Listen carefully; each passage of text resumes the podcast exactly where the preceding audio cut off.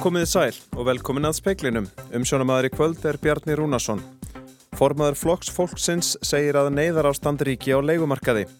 Hún segir að þær hækkanir sem nú eru bóðar vera til marks um gengdalösa græðki leigufyrirtækja. Formaður leyendasamtakana segir hækkanir leigufélagsins Ölmu með því versta sem gerist á markanum. Nýr dómur Európudómstólsins um fyrningu Orlofs er fordamiskefandi. Atvinnureikendur eru ábyrgir fyrir því að starfsfólk fái svigurum til að fara í frí. Þetta er mat fórseta ASI. Dæmi er um að sjúklingar þurfi að greiða um 200.000 krónur í komugjöld á ári hjá sérfræðilegnum. Mart smátt gerir eitt stórt. Einn allræmdasti vopnasali heims var sendur til Rúslands í skiptum fyrir körupoltastjörnuna Brittany Greiner. Hann var dæmdur í 25 ára fangelsi í bandaríkunum fyrir að selja vopn sem átti að nota gegn bandaríkjamönnum. Formaður flokks fólksins vill að stjórnvöld setji neyðarlög til að koma í veg fyrir óæðilegar hækkanir á leikumarkaði. Fjármálar að þeirra segir áform leigufélagsins Ölmu um að hækka húsarlegu um 75.000 krónur vera ófarsvaranleg. Ragnar Þór Ingólfsson formaður Vaffer byrti nýlega fæslu á Facebook um konu sem leir íbúð hjá Ölmu leigufélagi. Félagið hefur bóðið henni nýjan tólmánaða leigusanning með hækkun upp á rúmar 75.000 krónur. Leigan hækkar úr 250.000 krónum á mánuði í 325.000. Ástildur Lóa Þóstóttir Þingmaður Flokks Fólksins tók málið upp á alþingi í morgun og sagði mikilvægt að koma böndum á leigumarkaðin til að verja fólk fyrir slíkum hækkunum.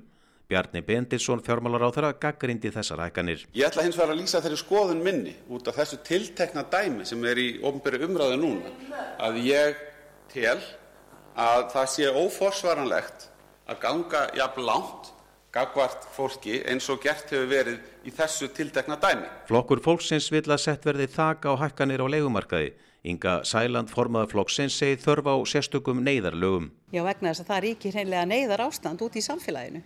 Þetta, þetta er orðið svo gengdalaus græðki og, og, og alveg með eindæmum uh, framkoma gagvart uh, leigutökum hjá þessum græðkisvættu leigufélögum að eitthvað verður ríkisvaldið að gera til að, að, að spórna við þessu og ég held að þessi hvergi Evrópu þar sem að stjórnvöld skipta sér ekkert af slíkri og þvílki græðkisvæðingu eins og, eins og Íslendingar er að ganga í gegnum hér og nú. Þannig að þið finnst þessar hækkanir sem að, já, til að mynda legufélagið Alma er að bóða þar séu, já, óeðlar? Mér finnst það bara ógeðslegar, já, orðsins fyrstu merkingu. Saði Inga Sæland, höskuldur Kári Skram tók saman. Og meira á þessum nótum, Guðmundur Hrafn Artgrímsson, formaður leyendasamtakana, gaggrinir hversu mikið fastegnafélagið Alma hefur hækkað húsalegu á íbúðum sínum. Hann segir félagið nýta sér íbúðaskort á húsalegumarkaði til að hækka verð.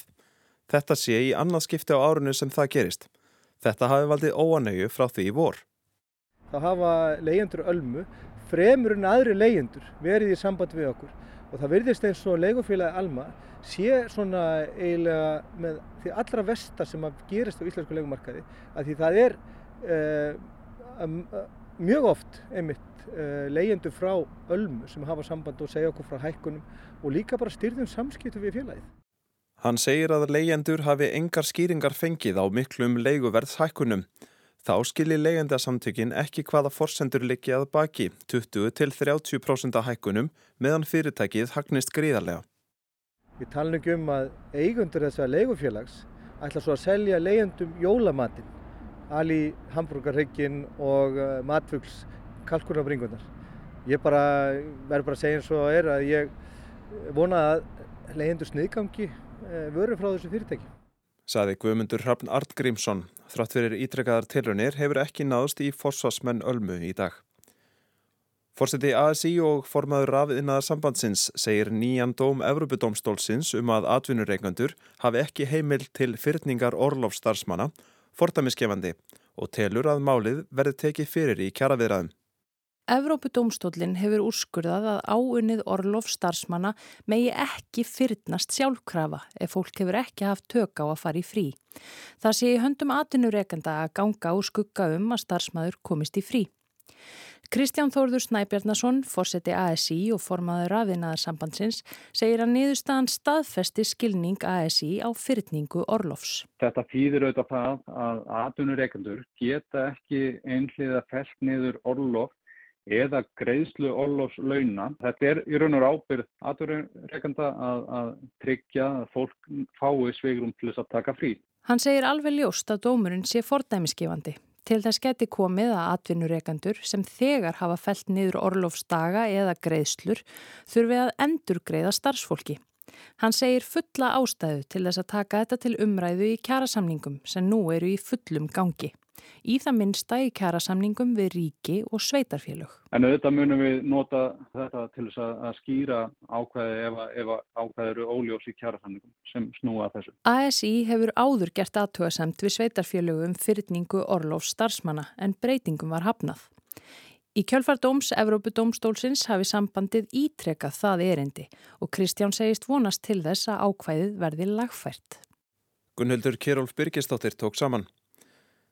Það er ekki gaman að vera 56 ára og þurfa að byggja um aðstóð til að komast til læknis eða í sjúkraþjálfun, segir Dagni Kristmannsdóttir sem á síðasta ári greiti hátt í 200.000 krónur í komugjöld eingöngu.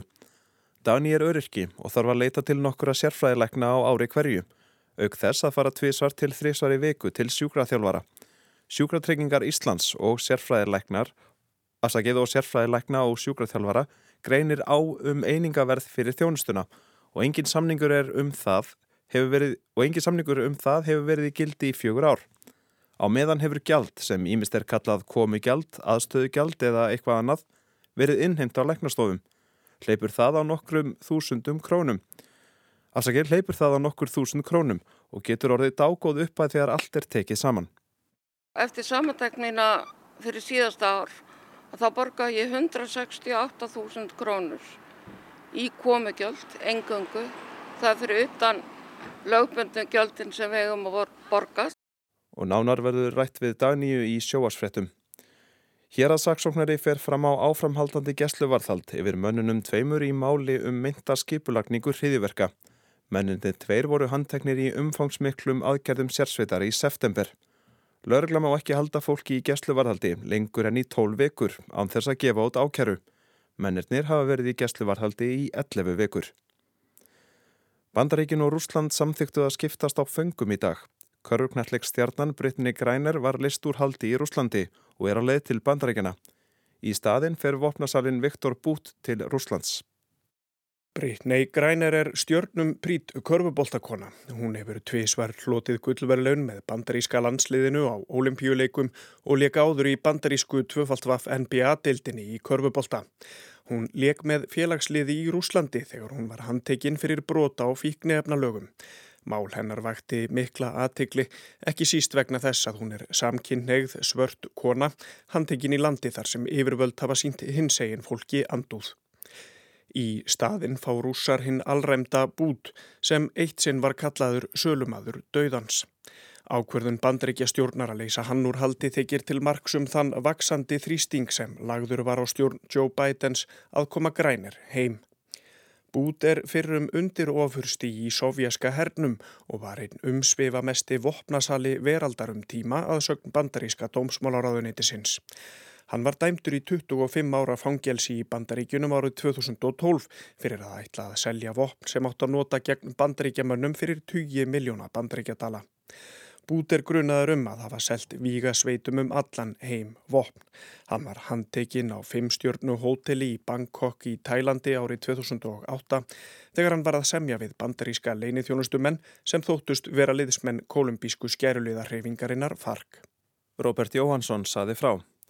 Sundhöll Selfoss hefur verið lokað vegna heitavaskorts. Eldur kom upp í ramagskáp við eina af borhólum Selfossveitna við Þorleifskoti í nótt. Selfessingar hafi verið kvattir til að fara sparlega með heitavatnið. Karlmaður á þrítúsaldri var tekin af lífi í Íran í dag fyrir að hafa tekið þátt í viðtækum mótmælum sem staðið hafa víða um landið síðan í september. Hann var sakveldur og dæmdur til dauða fyrir að hafa trublað umferð á götu í höfuborginni Teheran og sært öryggisvörð með sveðju fljótlega eftir að mótmæla aldan skall yfir. Yfirvöld segja það í apgilda því að það var líst yfir stríði gegn almættinu. Dómurinn fjall fyrir mánuði. Aftökunni hefur víða verið mótmælt. Mannrettindarsamtök segja að réttarhöldin hafi verið sviðsett. Þau segja að enn fleiri mótmælendur eigi á hættu að vera teknir af lífi. Fleiri en tíu hafi verið dæmdir til dauða að undaförnu fyrir ymsarsakir.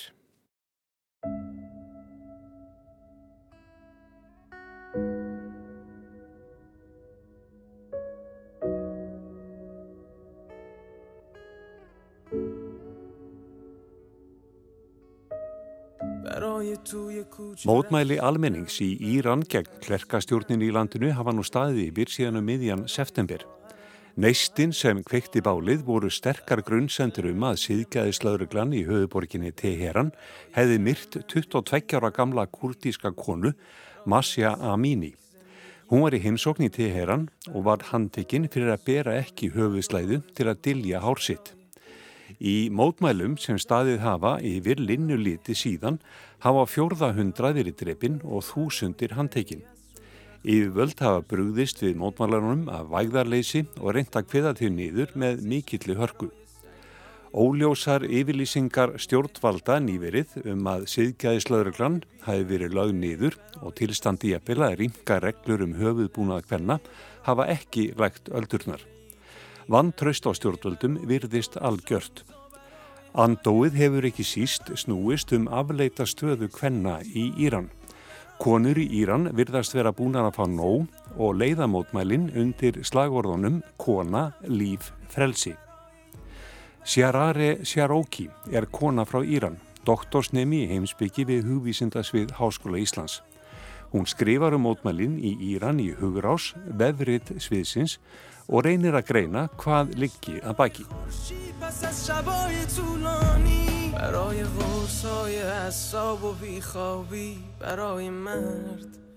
Hvað hefur gerst má spyrja? Hafa íranskar konur alltaf verið svona hugrakkar og ákveðnar í afstöðu sinni og aðtöfnum? Eða hafa árin í þögn getið af sér nýja kynnslóð? Kanski er það hvort tvekja? Konur í Íran hafa undanfarna fjóra áratugi aldrei verið algjörlega þögglar eða óvirkar. Reyfing þeirra hefur gengið í bylgjum, færst fram og hörfað. Konur voru fyrsti hópurinn sem barðist gegn tilraunum Khomeinis til að þröngva upp á þær íslömskum reglum eins og lögbóðinni slæðu, hijab, aðeins 35 dögum eftir komu hans til landsins í mass 1979. Það sem er nýtt í dag í Íran er að konur hafa stuðning flestra, karla og kvenna, að meðtöldum þeim sem eru með trúarlegan, hefðbundin eða dreifbílis bakgrunn. Þau öll virðast styðja kröfur íranskra kvenna eða þeim stafar allavega ekki ógn af kjarkiðira sem brenna slæðurnar sínar ofinberlega. Kröfur þeirra eru afar einfaldar og árétta grundvallar mannréttindi sem öll geta tengt við út um allan heim. Í dag eru þúsundir mótmælanda í Íranna hætta lífi sínu fyrir mannhelgi, réttindi kvenna, jafnrétti, valfrelsi, virðingu fyrir engalífi, einstaklingsfrelsi, líðræði, frelsi og vennjulegu lífi.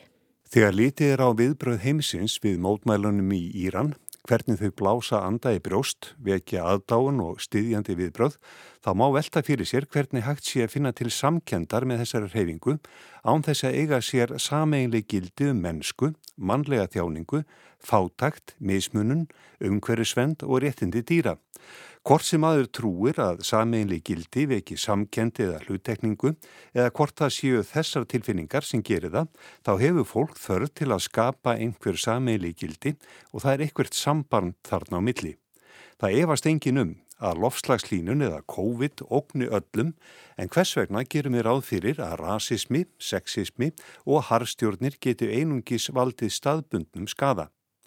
Íslamska líðveldið hefur einni eðlagt ár fljót, vilt dýralíf og skóa sem og líf margra kvenna og karla innan og utan Írans í nokkrar kynsluðir. Þegar kurdískar konur réttu kindilinn Kona líf frelsi áfram til fólks í öðrum landslutum Írans þá efaðist engin um að virðing fyrir konum og gildi lífs og frelsis stæðu ofar menningarmismun þeirra á milli.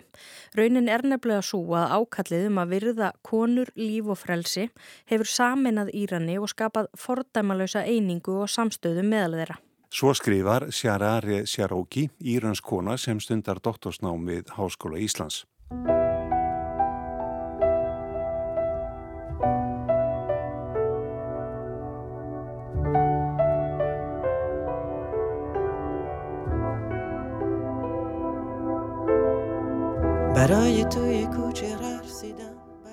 Skömmu eftir dauða Masa Amini samt í íranski tónlistamæðurinn Sjermin lægið Baraye við texta sem hann setti saman úr týstum fjölda fólks á samfélagsmiðlum um ástæður þess að það fer út að mótmæla. Lægið hefur orðið að einkennislægi mótmælarna og verið hljóðritað að fjölda tónlistarfólks út um allan heim. Ekki síst af landflóta írunum og fólki af írönskum ættum. Tekstin er svo hljóðandi. Fyrir dansinn á gödunum, fyrir að vera hrætt við að kissast, fyrir sýstur mína, sýstur þína, sýstur okkar, fyrir umbreytingu gamalla gilda, fyrir skömm fátæktar, fyrir þrána eftir venjulegu lífi fyrir barnatrælkun og brosna drauma þeirra, fyrir þetta harðstjórnar hagkerfi. Fyrir þetta mengaða loft, fyrir döð tré borgar okkar, fyrir væntanlegan útdauða asíska blettatígursins, fyrir saklausa hunda sem hafa verið bannaðir, fyrir óstöðvandi tárin, fyrir að endur taka þetta augnarblikk, fyrir brosandi andlitin, fyrir námsmennina, fyrir framtíð þeirra. Fyrir þessa upp á þvinguðu trú, fyrir fangelsaða mentamenn, fyrir afgönsku krakkana, fyrir öll þessi óteljandi fyrir, fyrir merkingarlaust slagorð, fyrir rústir þessara veikbyggðu húsa, fyrir frið í sálinni, fyrir sólarupprás eftir langa nótt, fyrir svepppillunar og svepplösar nætur okkar, fyrir mann, ættjörð og velmegun, fyrir stúlkuna sem óskar sér þess að vera drengur, fyrir konu, líf, frelsi fyrir frelsi.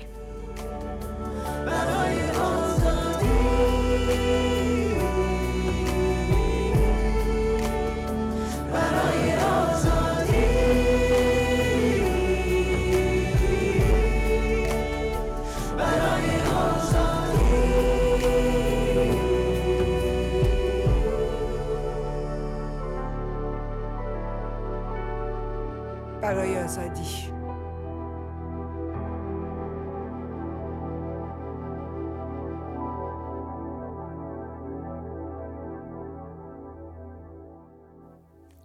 Það var Kristján Sigurjónsson sem saði frá mótmælum í Íran. Lesari með honum var Ólöf Ragnarstóttir.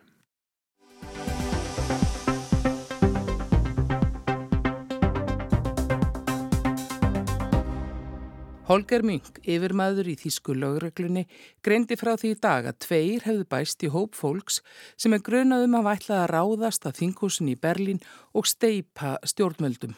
Nú læju 54 undir grunn en líklegt væri enn bættist í þann hóp. Aðgerðir lögruglu voru þær viðamestu um áratuga skeið. Þúsundir þýskra lögruglumanna tóku þátt í þeim. Húsleit var gerð á meirin 150 stöðum, viðsvegar í sambandslíðveldinu og vopn fundust á að minnstakosti 50 af þeim. 25 hafa þegar verið handteknir. Münk sagði að hópur sem í væru týjir, jafnvel hundruð, hefði ekki bólmagt til að bylta Þíska ríkinu en enga síður væri þarna varhugaverð blanda fólks sem aðhyldist hættulegar og órökréttar skoðanir, skyrðist ekki við að grípa til ofubeldis, sumir byggjuðu miklu fjármagni, aðverir vopnum og kunnátti að beita þeim. Því hefði verið fylsta ástæði til að grípa inni.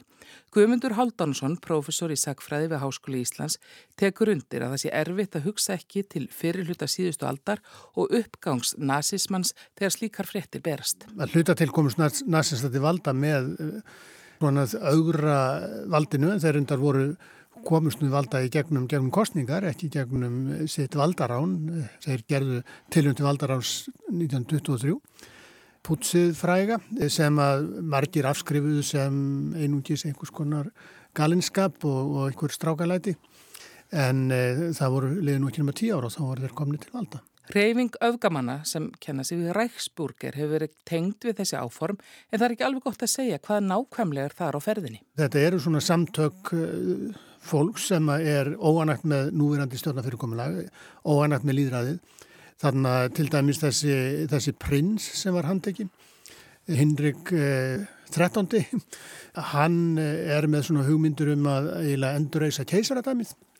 En þetta eru svona, maður getur kannski sagt að þetta séu svona hugrenningatengs sem að, sem að ná alveg aftur til 19. aldar sem tengjast þá eh, andlýðraði, antisemitisma, trú á svona einhvers konar svona eh, keisaradæmi En síðan blandast þetta sama við narsíska hópa og, og þá sem að svona, já, líta til þriða ríkisin sem, sem ákvæmna fyrirmynd. Þetta eru svona svipar, það eru svona hópar mjög víða. Maður sér að þeir hafa tengst til dæmis yfir í bandaríkinni gegnum svo kallar QAnon eða QAnon sem eru svona öfgasamtök sem að eiginlega mest er svona eiginlega stýrt á netinu eru svona sellur og menn sem að eru að fylgjast með og tengjast í gegnum alls konar net en má segja það sem að, sem að raunlega tengjast á alla saman að þeir eru e, og telja að það líðræðiskerfi sem, fyrir allslega líðræðiskerfi sem búum við í dag sé, já, eigi að þeia steipa því og koma ykkur aðra á í staðin. Þessi vindar hafa blásið lengi. Það hefur verið alla, var alla 20. stöldina og gekk svona í ákveðnum bylgjum, við getum þetta, fasismi og nazismi millistíðsárun er, er ángjað þessum svona, þessum reyfingum. Eh, síðan eftir síðar heimströld hafa þessir hópar verið til en e, það má segja að e, svona tvent sem hefur ítt undir þá verulega núna á síðustu, svona síðasta áratvíin eða svo að það er fyrsta lagi þá flottamannaströymurinn sem var frá Sílandi meðan e, síðast áratug og síðan aftur núna COVID. Að, að þetta tvent svona einhvern veginn hefur ítt undir svona þessa samsæris bylgu e, sem á trú á alls konar samsæri að það séu einhvers konar elita sem að er að stjórn okkur og eiginlega að e, ráðskast með okkur fyrir sína eigin hagsmunni og Þessi COVID eh, viðbráð er mjög þannig og það, maður, þetta sér, þetta er svona eins og þetta flæður um heiminni gegnum, gegnum internetið og, og hérna maður sér alveg nákvæmlega sömu retoríkin að spretta upp hér og þar um heiminn hér á Íslandi. Það eru, eru hópar að, og einstaklingar sem eru endalöst að, að bera á borð þessa, þessa samsæriskenningar um, um að bólefni séu, séu einhvers konar hættuleg og, og séu til þess að, að ná tökum á fólki. Og þetta síðan, til dæmis þessi, þessi ræksburgerhefinga, hún er talin að hafa vaksið úr svona tæmla 2000 upp yfir umla 20.000 stuðningsmenn núna á síðustu 2-3 árum. Þannig að, að það er alveg greinilegt að, að COVID er þannig eitthvað sem hefur ríkt verulega undir þetta. Og ég hitti fyrir að reyndu félagar úr ræksburgerhefingunni að gera áhlaup á Þíska þinghúsi til að mótmæla sóttvarnaðgjörnum stjórnvalda en tókst ekki. Í sjálfur sér er, er árásin á þinghúsið í bandargjörnum 7. Eh, janúar á síðast ára það, hún er auðvitað mjög svipast eðlist. Þetta eru svona jæðarhópar sem að eh, tengjast í gegnum ákveðin málefni, eh, hafa ekki kannski neitt mjög eh, skipulega ideológi en uh, sjá það sem sitt markmið að reyna að grafa undan því þjóðskipulagi sem að hér ríkir. Vallið þú hægt að tala um að auður prins, fyrverandi þingmaður og dómari og menn sem tengjast lögreglu og hér séu jáðarsett fólk. Guðmundur segir að í Þískalandi hafi löngum verið tengst frá öfgahópum inn í herin. Það hafa verið framinn til dæmis eh, morð, politísk morð í Þískalandi sem hafa tengst þannig, þannig hópum Eh, svo verður Nordkreuz reyfing fyrir nokkrum árum sem er stóðað morðum.